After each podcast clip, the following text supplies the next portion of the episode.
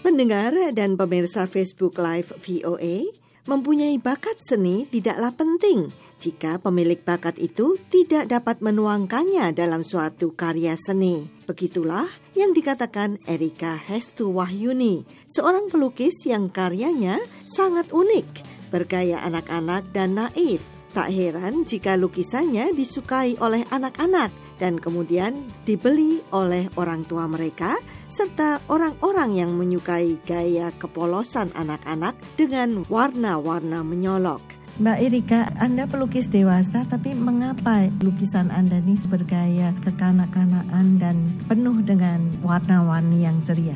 Saya merasa ini kemampuan saya nggak ke arah lukisan yang realis karena basic realis dan naturalis itu kan uh, hampir semua pelukis itu sebenarnya diwajibkan untuk mampu. Tapi saya cenderung untuk tidak meneruskan gaya itu.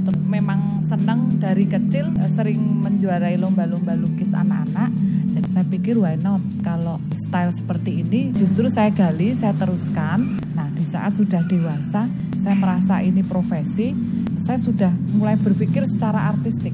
Sejak kapan Mbak lukisan Anda ini benar-benar bisa menjadi karir Anda? Sejak kuliah secara tidak sengaja bahwa lukisan saya sudah bisa dibeli. Terus loh kok laku, kok orang senang. Aliran apa sih sebetulnya yang Anda anut di sini? Katanya ini alirannya naif. Tahun kemarin lukisan saya saya donate ke Museum Naif di Quebec. Oh, jadi salah satu karya Anda disumbangkan ke Museum Naif di ya. Kanada. Ya, kebetulan ada undangan dari sana dan saya ditawarkan lukisannya mau dikembalikan atau mau dijualkan. Saya bilang saya donasikan saja.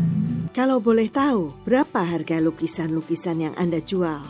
Berkisar 30 juta sampai 400 juta rupiah. Tapi beberapa ada yang mungkin lebih kecil bisa nilainya di bawah itu. Terima kasih ya Mbak Erika atas bincang-bincangnya dengan VOA Washington dan sukses terus untuk Anda.